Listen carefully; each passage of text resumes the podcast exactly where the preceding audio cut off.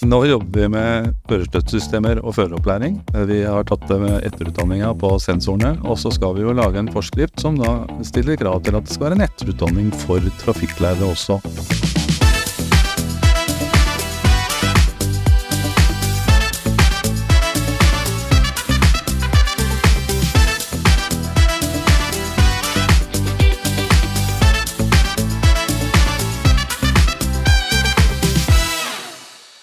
Hører du på Trafikkpodden på Spotify? Da har vi en viktig melding til deg. 1.1.2024 innfører vi nye abonnementer som dekker alle lærerne på trafikkskolen din. De gamle abonnementene forsvinner, og det blir ikke lenger mulig å høre episoder gratis. Sjekk trafikkpodden.no for mer informasjon. Takk for støtten. Vi gleder oss til å lage mer av innholdet du liker. Velkommen til en ny episode med Trafikkpodden. Det du hører på nå, er sjette og siste del om ADAS. I de førre episodene våre har vi prata med representanter fra trafikkopplæringsbransjen, forskere fra Sintef og Nord universitet og bilbransjen. Vi vil avslutte denne serien med å høre på hva Statens vegvesen tenker om ADAS, og hva til plass dette her har i førerprøva. Da denne episoden ble spilt inn, var høringen om forslag til endring i trafikkopplæringsforskriften enda ikke publisert. Men når denne podkastepisoden blir lagt ut, er høringa ferdig, og de endringene som Geir Åge Sogn og Øyvind Lund prata om i episode 24, har kommet et steg videre i prosessen. Kan trafikkopplæringsforskriften bli til slutt, vil det helt sikkert komme ei seinere episode om i Trafikkpodden. Da vil oss ta det med til Brynsengfaret i Oslo. Og der er oss på besøk hos Vegdirektoratet. Og den som tok imot oss her, det var du da, Lasse. Mhm. Kan du fortelle lytteren hvem du er?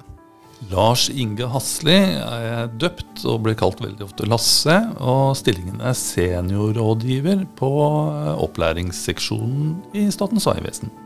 I denne episoden skal vi høre hva til tanke Statens vegvesen har om ADAS i trafikkopplæringa, og, og kan dere stille dere i bruk av ADAS om det er førerprøve?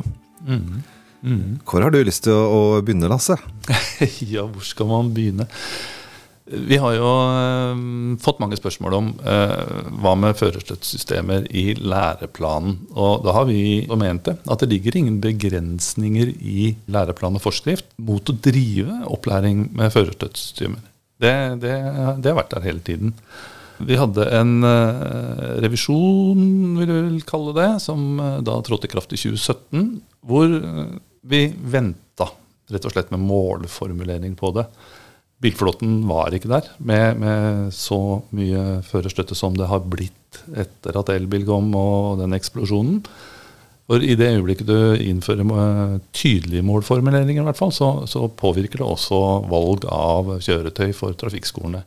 De har en høring som går ut nå, hvor vi innfører da målformuleringer knytta opp mot aktuelle førerstøttesystemer.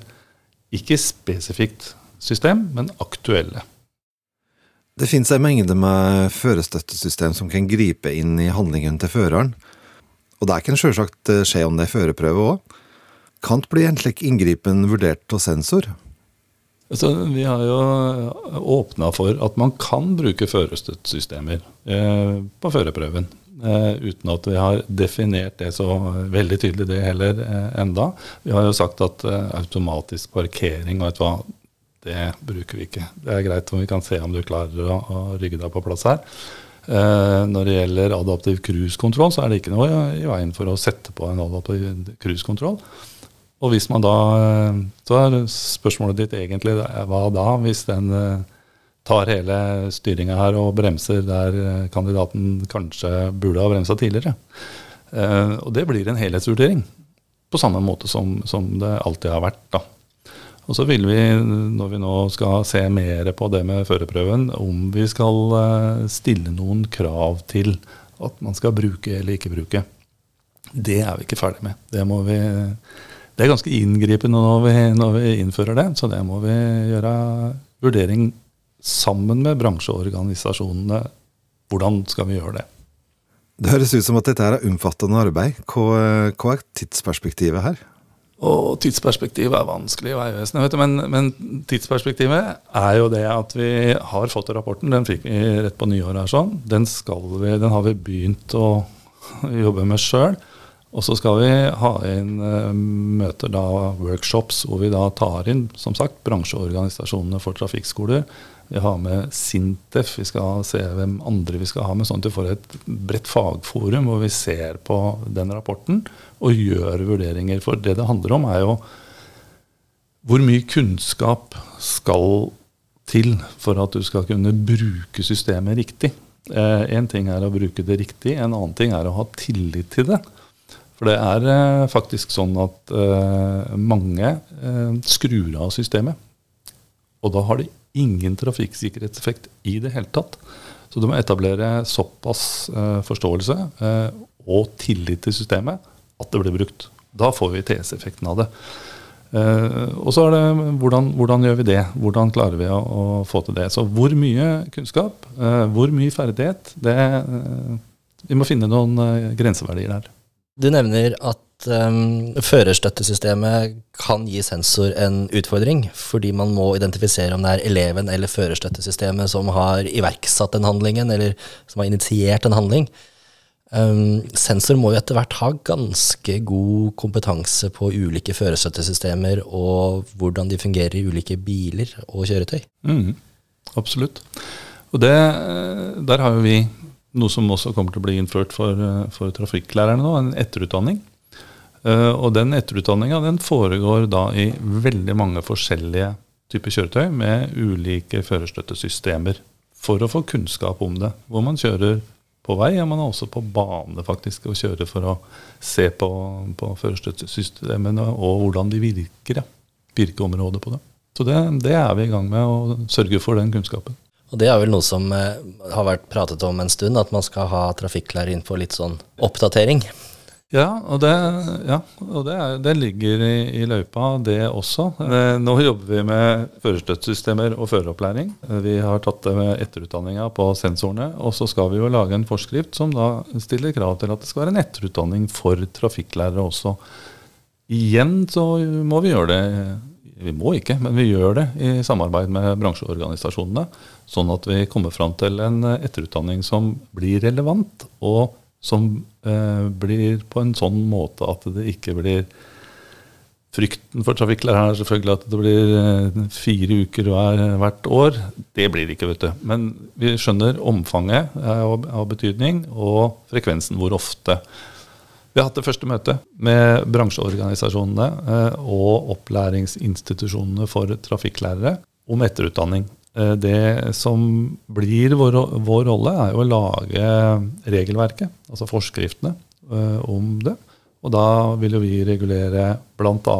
Uh, omfang, frekvens, hvor ofte. Og så vil det jo være noe mer knytta til det.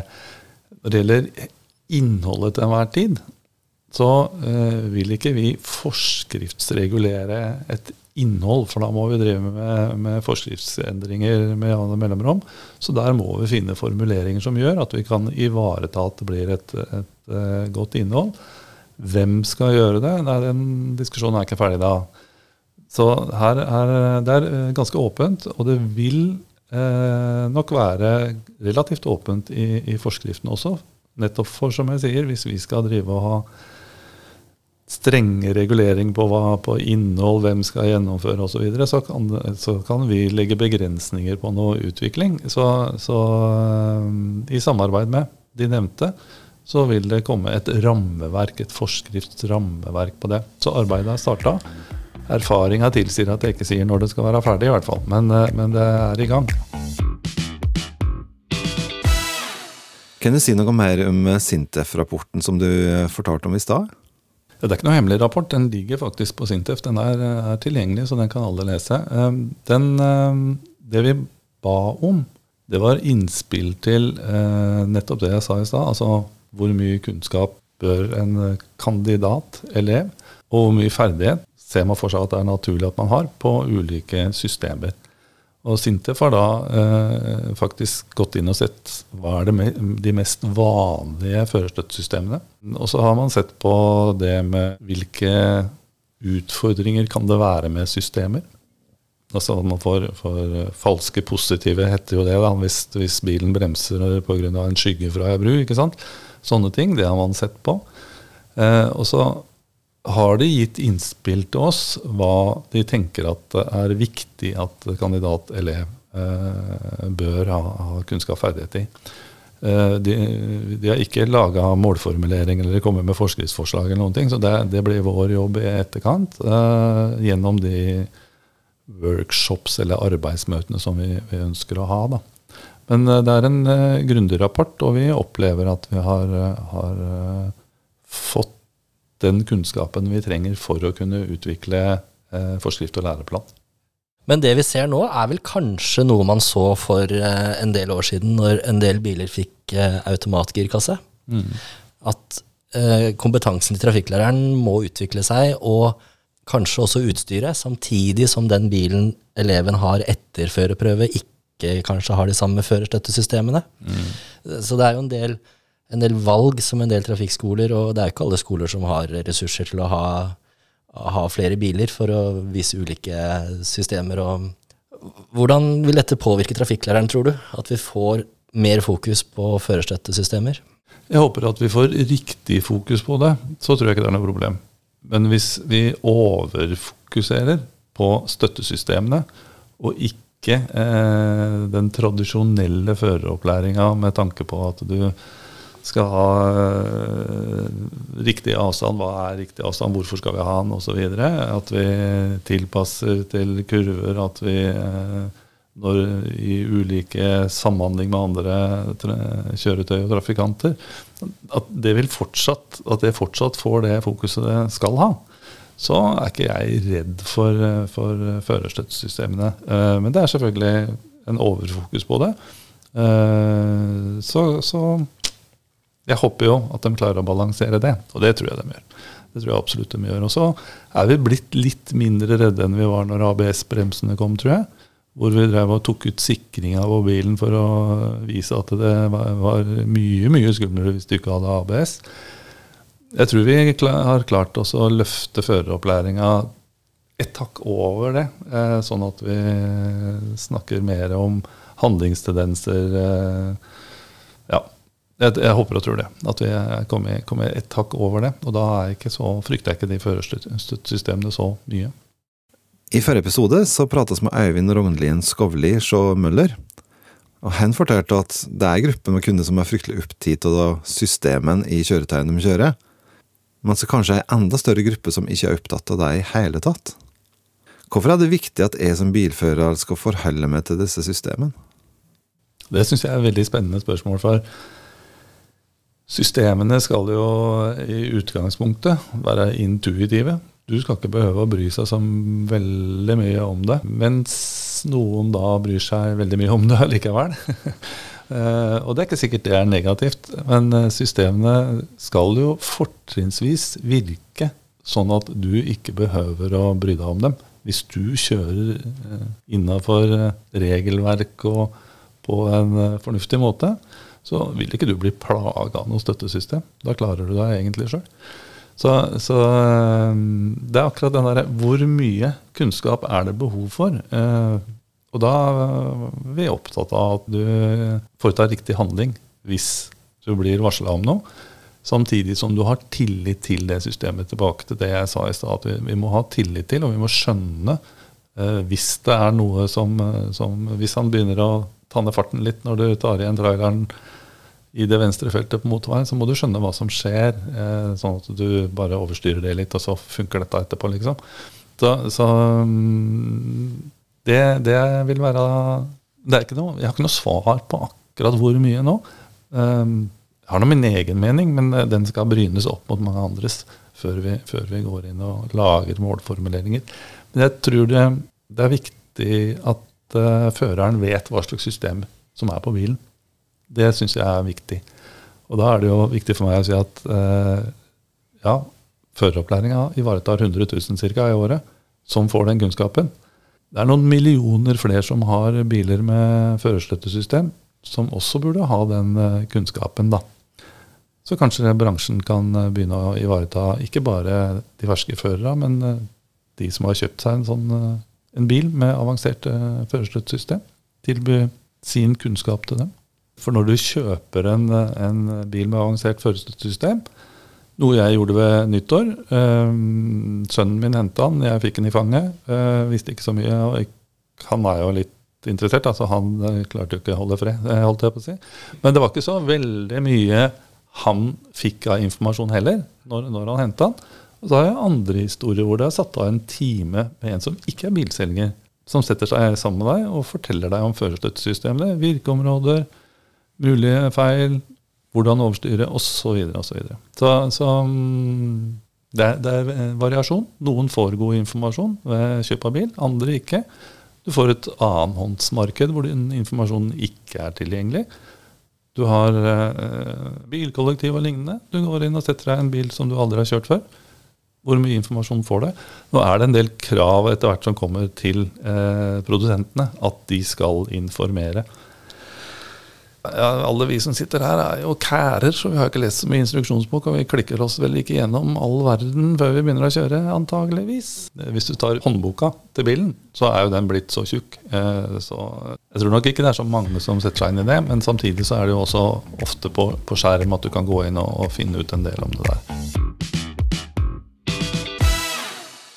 Nå skal jeg prøve å ta med hedersmennene i studio inn på en liten etisk reise. Oi. episoden. Men det er en etisk problemstilling som jeg ofte diskuterer med holdt på å si psykologen min. Eh, ikke sant? Men når jeg kjøper en bil, så velger jeg et system som utfører en riktig handling basert på systemets oppfatning av hva som er rett den handlingen er basert på hva som er riktig i de aller, aller fleste situasjoner. Fordi at i de aller fleste situasjoner så vil en bilfører kanskje velge for sent eller velge feil.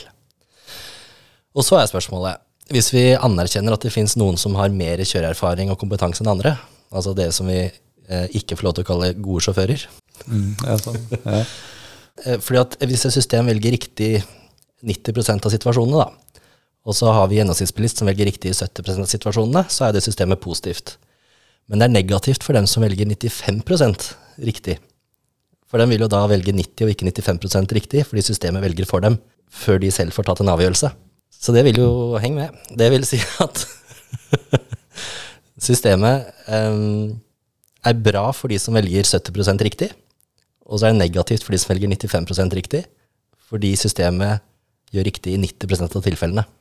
Man ser jo det mange steder i trafikken, at man gjerne velger eh, F.eks. har man ikke belte på buss eh, som kjører under 70 km i timen, fordi man har funnet ut at det er hensiktsmessig med tanke på av- og påstigning. Um, så man, man, tar jo noen sånne valg som ikke er 100% gode for alle. Uh, men de er gode for flesteparten. Når du sier 90% og 95% så er det, jo, er det, litt sånn, det er jo litt krevende å si at hva skal du velge?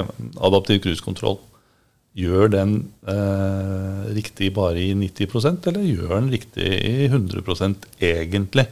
Altså det, og Der kan du jo som fører velge avstand til bilen foran. Jeg har ikke noe forskning bak det jeg sier nå, men jeg vil jo tro at den gjør 100 riktig eh, når den ligger bak et annet kjøretøy. Den gjør jo ikke noe feil der.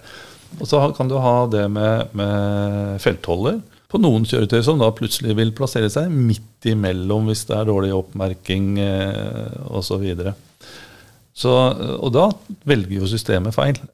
Og da er det fra min forståelse så vil det da være viktig at man er klar over at det kan skje, sånn at du overstyrer det. Ja.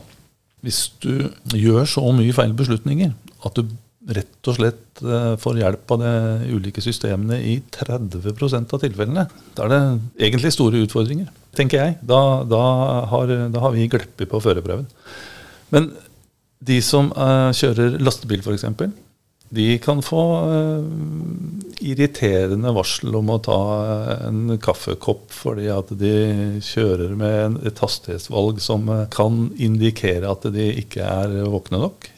Men det er fordi at de er vant med å gjøre det hastighetsvalget fordi de skal ha flyt på den kjøringa. Så det kan man få. Ehm, jeg tenker ehm, Det ble jo helt sånn eh, etisk og hypotetisk reise igjen. Men, men eh, jeg tenker at eh, de fleste støttesystemene som overtar når vi som førere gjør feil handling, ikke er irriterende selv om du er erfaren. Men du må akseptere virkeområdet på førerstøttesystemet. Eh, Sånn at du kan tilpasse og, og på en måte ta over litt sjøl. Eh, hvis du vil kjøre eh, av praktiske årsaker i krysset, den linja da og bilen absolutt ikke har lyst på det, så må du ikke være bodybuilder for å overstyre og komme dit du vil. Men det kan godt hende at du syns det kan være litt plagsomt til å begynne med. Jeg tror at vi tilpasser oss det. Eh, For å reise litt videre, da. Ja. Det er jo at det er jo en del mennesker som mener at de ville tatt bedre avgjørelser enn et førersettesystem. Og det er jo kanskje også de som tok førerkort uh, før eh, jeg ble trafikklærer. ja, det kan godt hende. Det de, om de er redd for det, eller om de på en måte ikke har tillit til det, eller om det er andre forhold som gjør at de tenker at et førersettesystem vil faktisk Det kan jo være noe så enkelt som at det er en datamaskin. Jeg har et forhold til en datamaskin som ikke er veldig positivt. Skal jeg stole på dette når jeg skal ut og kjøre på vinterføre i min uh, splitter nye bil? så jeg kunne tenke at vi på en måte prøvde å møte litt de menneskene også, i det vi snakker om. da. Da er vi til det med tillit til systemet. Um, og det er nok de som mener at de kunne tatt bedre avgjørelser. Men igjen, dette er et støttesystem. Nå bruker jeg adaptiv cruisekontroll hele tiden som eksempel, men den, den vil jo, da vil du jo kunne kutte ut og drive og følge med på den avstanden. Men du kan ikke det. Du må følge med på den avstanden. Og det er jo det som er så sentralt, da.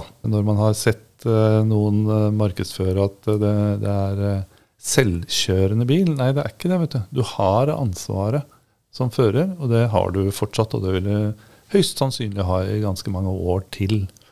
Hvis man da bruker den adaptive og mener at, at man ville gjort bedre valg sjøl, så handler det om at man ville kanskje vært enda nærmere i gitte situasjoner og pusha på noen grenser, da.